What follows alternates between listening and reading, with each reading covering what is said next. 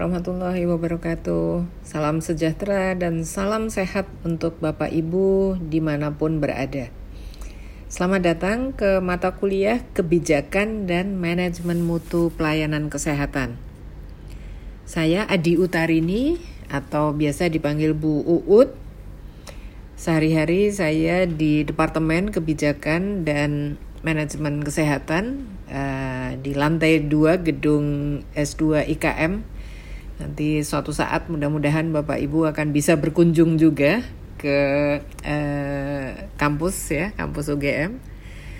Um, kemudian saya uh, memiliki beberapa bidang ketertarikan di bidang riset memang Nah, salah satunya adalah di uh, bidang manajemen mutu pelayanan kesehatan ini. Um, dalam perjalanan karir saya di bidang akademik uh, terkait dengan kebijakan dan mutu pelayanan kesehatan, uh, saya mengawali dengan saat itu menginisiasi sebuah divisi yang namanya juga divisi mutu di Pusat Kebijakan Manajemen Kesehatan di Fakultas Kedokteran Kesehatan Masyarakat dan Keperawatan UGM. Dan kemudian uh, dalam waktu itu ada salah satu proyek Bank Dunia di DIY yang kami terlibat. Dan pada kesempatan itulah saya menginisiasi sebuah badan yang sekarang disebut Badan Mutu Pelayanan Kesehatan. Ini di Yogyakarta Um, selain itu juga beberapa tahun terakhir ini terlibat dalam penyusunan strategi nasional untuk kebijakan dan mutu pelayanan kesehatan nasional. Kemudian aktivitas di um, di bidang publikasi uh, di apa di nasional saya um, dipercaya dipercaya untuk menjadi editor in chief dari jurnal uh, yang namanya adalah The Journal of Hospital Accreditation. Jadi jurnal ini diinisiasi oleh KARS, Komite Akreditasi Rumah Sakit beserta fakultas, Fakultas Kedokteran Kesehatan Masyarakat dan Keperawatan UGM. Dan saat ini uh, jurnal ini sudah terbit masuk di tahun ketiga.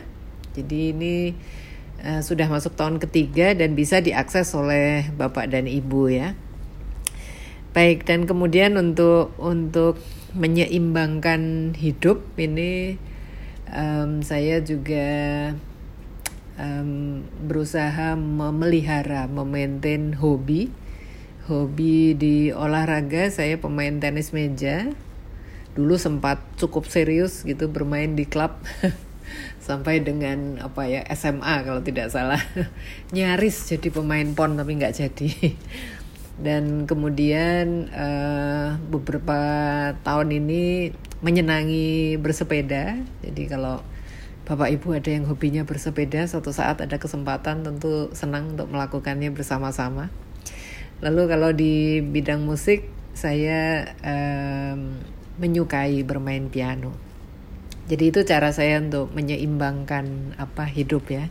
Kemudian saya memiliki keluarga kecil dengan satu anak uh, perempuan sekarang sudah kuliah di komunikasi di UGM dan suami bekerja di Departemen Farmakologi dan Terapi di Fakultas Kedokteran juga di UGM.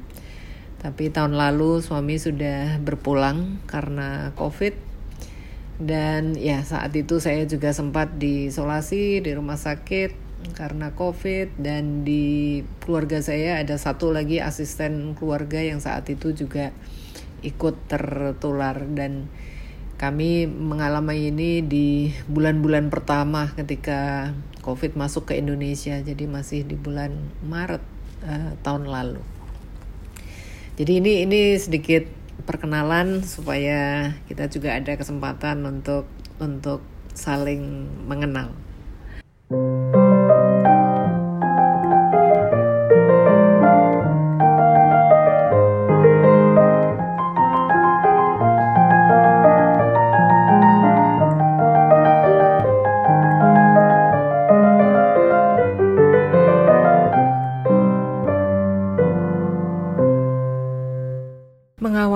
Kuliah kebijakan dan mutu pelayanan kesehatan, saya ingin menyampaikan bahwa di Indonesia dan juga di dunia, saya kira ada dua hal besar yang terjadi pada kita, yang itu mempunyai nilai ungkit yang sangat tinggi bagi pengembangan mutu pelayanan kesehatan.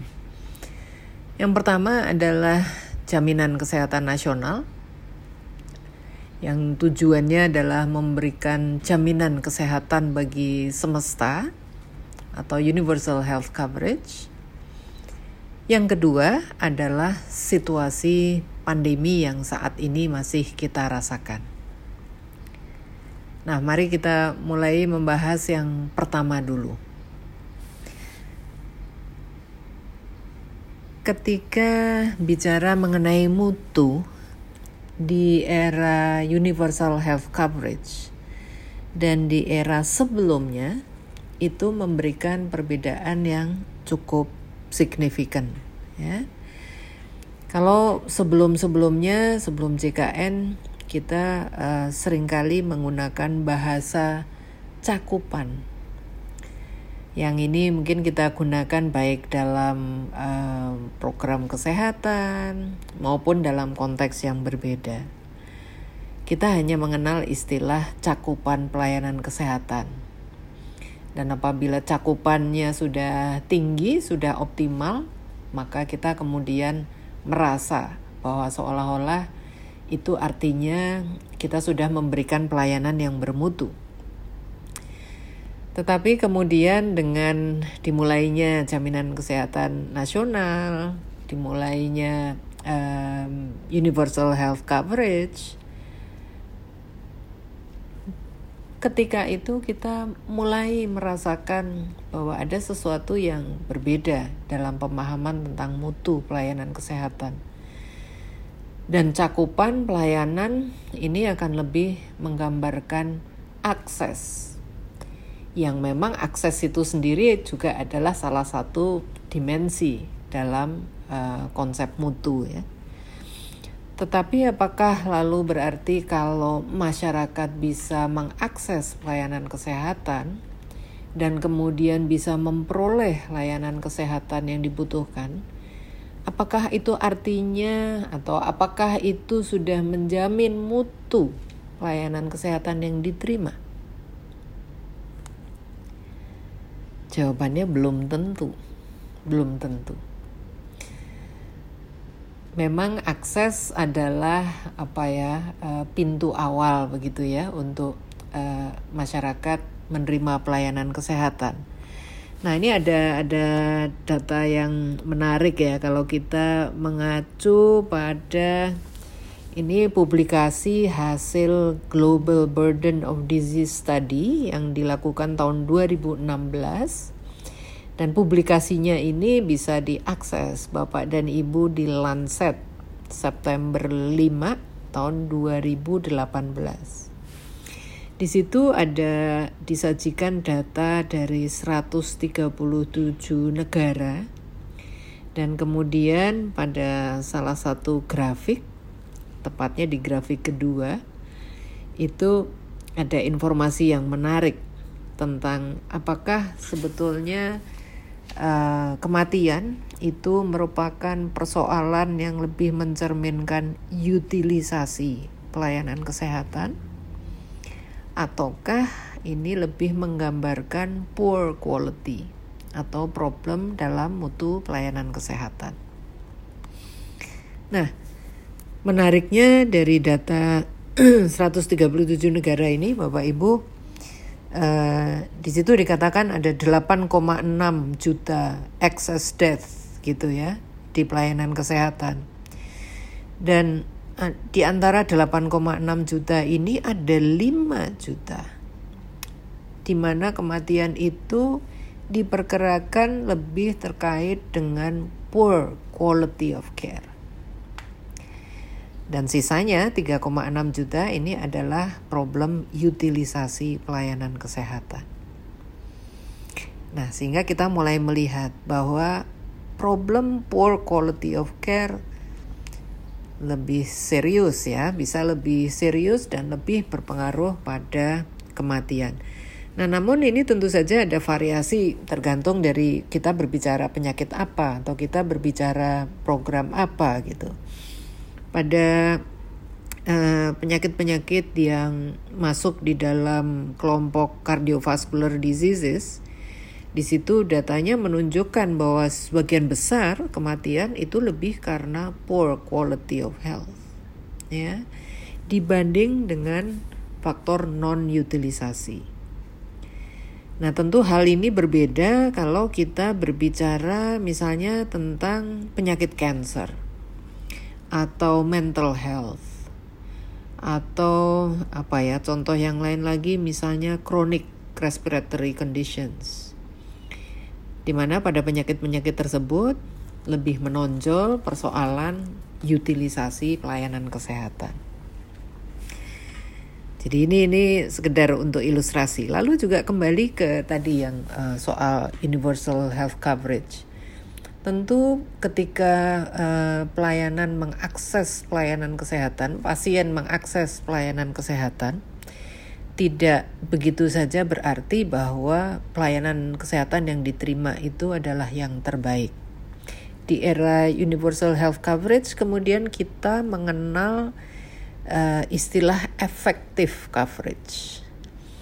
Nah, effective coverage ini adalah di antara mereka yang mengakses. Jadi ya sudah tercakup sebetulnya dalam pelayanan kesehatan. Berapa yang betul-betul memang menerima pelayanan kesehatan yang efektif. Efektif di sini ya konteksnya mungkin proses diagnosis berjalan dengan tepat, uh, proses pengobatannya juga uh, dilakukan diberikan obat-obat yang memang dibutuhkan yang rasional sehingga pelayanan itu dapat dikatakan efektif.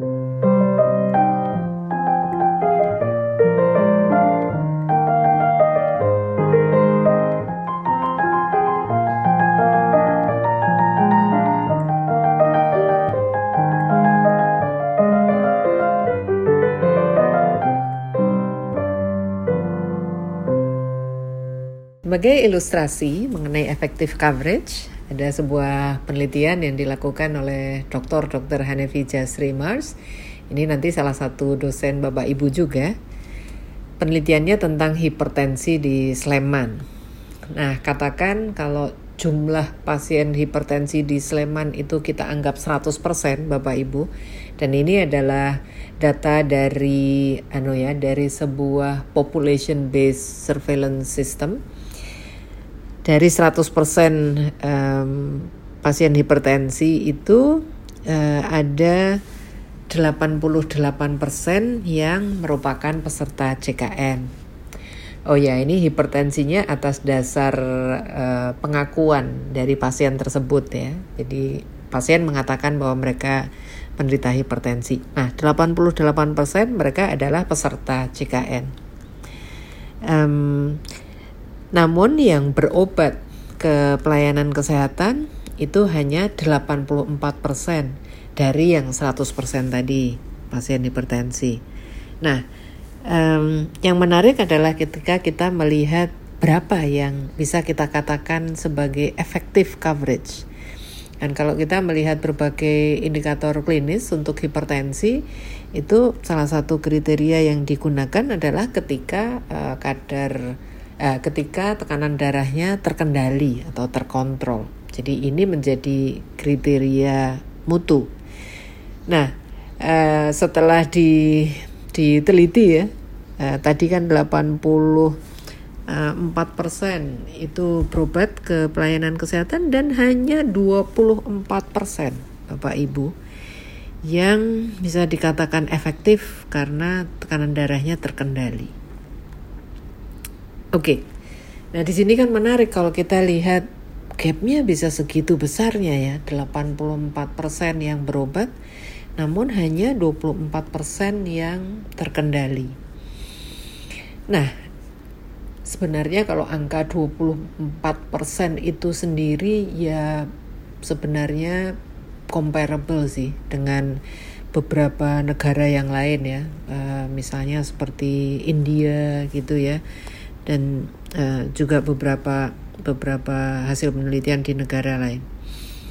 Yang yang menarik di sini tadi kalau kembali ke effective coverage itu ternyata sangat berbeda dengan coverage dalam hal pasien yang mengakses pelayanan kesehatan.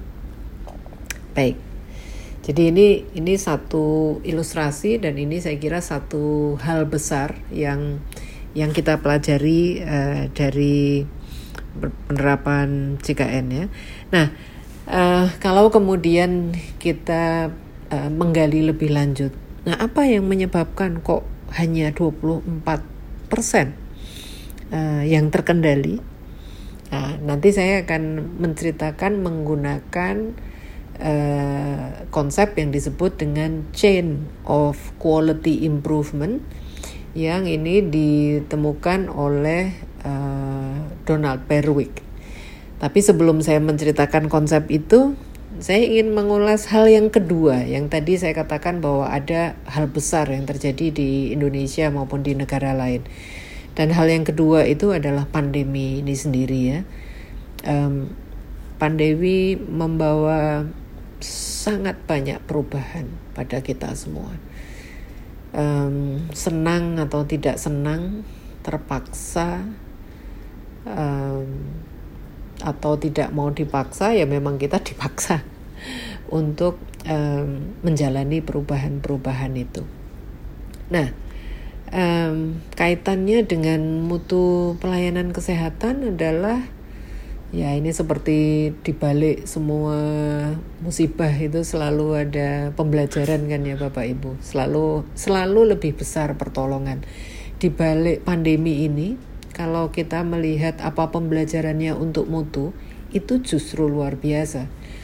Dan ini ini nanti saya ya saya ingin mendorong Bapak Ibu supaya membaca editorial dari Journal of Hospital Accreditation yang edisi awal tahun ini, Februari 2021.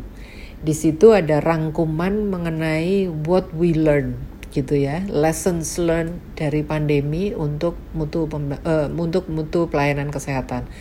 Antara lain saya kira kita melihat uh, bagaimana sebuah standar itu kemudian disusun berdasarkan ya current available evidence dan kemudian standar itu juga diupdate secara cepat ya. Ini sangat kita rasakan dalam uh, penanganan COVID. Hal yang lain juga kalau Bapak Ibu uh, melihat soal hand hygiene ya, hand hygiene itu kan salah satu global challenge dalam patient safety. Dan lihatlah ketika misalnya Bapak Ibu menyiapkan rumah sakit untuk akreditasi sebelum pandemi ini pasti itu salah satu yang uh, Bapak Ibu struggle kan baik di puskesmas maupun di di rumah sakit. Nah tiba-tiba dengan pandemi ini tiba-tiba semua orang menjadi terobsesi mungkin dengan yang namanya cuci tangan itu ke mana-mana. Uh, kalau dulu mungkin kalau ketinggalan handphone kita panik ya sekarang ya tetap panik, tapi tambah satu lagi mungkin ketinggalan hand sanitizer mungkin juga udah bikin panik. Lupa nggak pakai masker itu juga bikin panik. Jadi kita melihat bahwa uh, pandemi ada ada pembelajaran sangat penting hal-hal yang dulu mungkin kita rasakan sulit menantang untuk mengajak orang berubah tiba-tiba dengan situasi sekarang itu menjadi sangat mudah berubah. Ya, itu itu pembelajaran kedua. Pembelajaran yang lain ya, saya kira situasi pandemi juga memudahkan orang untuk berkolaborasi ya, antara satu dengan yang lain, membuat pelayanan kesehatan mungkin masalah rujukan itu menjadi menjadi lebih di appreciate orang bahwa uh, rujukan itu sangat penting dan juga bisa sangat sangat bermasalah gitu ya dengan rujukan tetapi kemudian antara sistem pelayanan primer dan sekunder itu keterkaitan komunikasi antar orang-orang yang berada di dua sistem itu menjadi menjadi uh, lebih mudah. Dan yang yang terakhir tentunya juga kita melihat bahwa uh, kesehatan it's not just a problem uh, dari um, Kementerian Kesehatan atau dari Dinas Kesehatan, dari Puskesmas dan rumah sakit ya. kesehatan is our problem, masalah kita bersama sehingga kita melihat bagaimana lintas sektor itu kemudian dimobilisasi untuk bersama-sama mencoba memecahkan masalah kesehatan ini. Jadi ini ini uh, dua hal besar Bapak Ibu. Yang pertama mengenai jaminan kesehatan nasional, universal health coverage, dan yang kedua mengenai pandemi itu sendiri yang kemudian uh, mendorong banyak pengembangan di bidang kebijakan dan mutu pelayanan kesehatan.